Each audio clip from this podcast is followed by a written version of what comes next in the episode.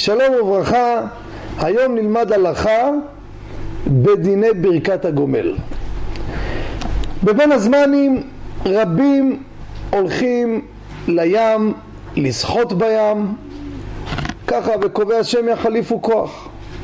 השולחן ערוך כותב, הזכרנו את זה כמה פעמים, ארבעה חייבים להודות כשהם יצאו מהסכנה והם חיים, ראשי תיבות על הפסוק וכל החיים ידעו חסלה, חיים, חולה, מי שיצא מבית האסורים, יורדי הים ומי שהיה במדבר. נסיעה בין עירוני זה נקרא הולכי מדברות. מה זה יורדי הים?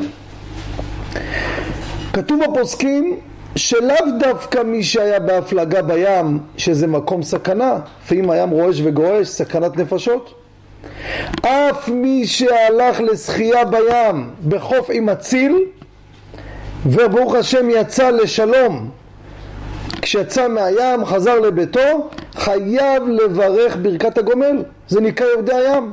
בפרט שבים מצויים מאוד סכנות השם ישמור לפעמים אדם טובע בים נתפס בתוך מעבורת וכדומה ולכן הלכה למעשה יש לברך ברכת הגומל. על פי רוב אדם שנוסע לים אז הוא נסע גם נסיעה בין עירונית אז גם מצד הנסיעה הוא יכוון גם על זה. כל אחד שגר קרוב לים הלך לים ברוך השם חזר לשלום זה נקרא יורדי הים הוא ניצל מהסכנה חייב לברך ברכת הגומל. אני מדגיש שזה רק נאמר בים. בבריכה זה לא נאמר. הסכנות יותר מצויות בים השם ישמור ויציל שכולם יחזרו לביתם בריאים ושלמים תודה וכל טוב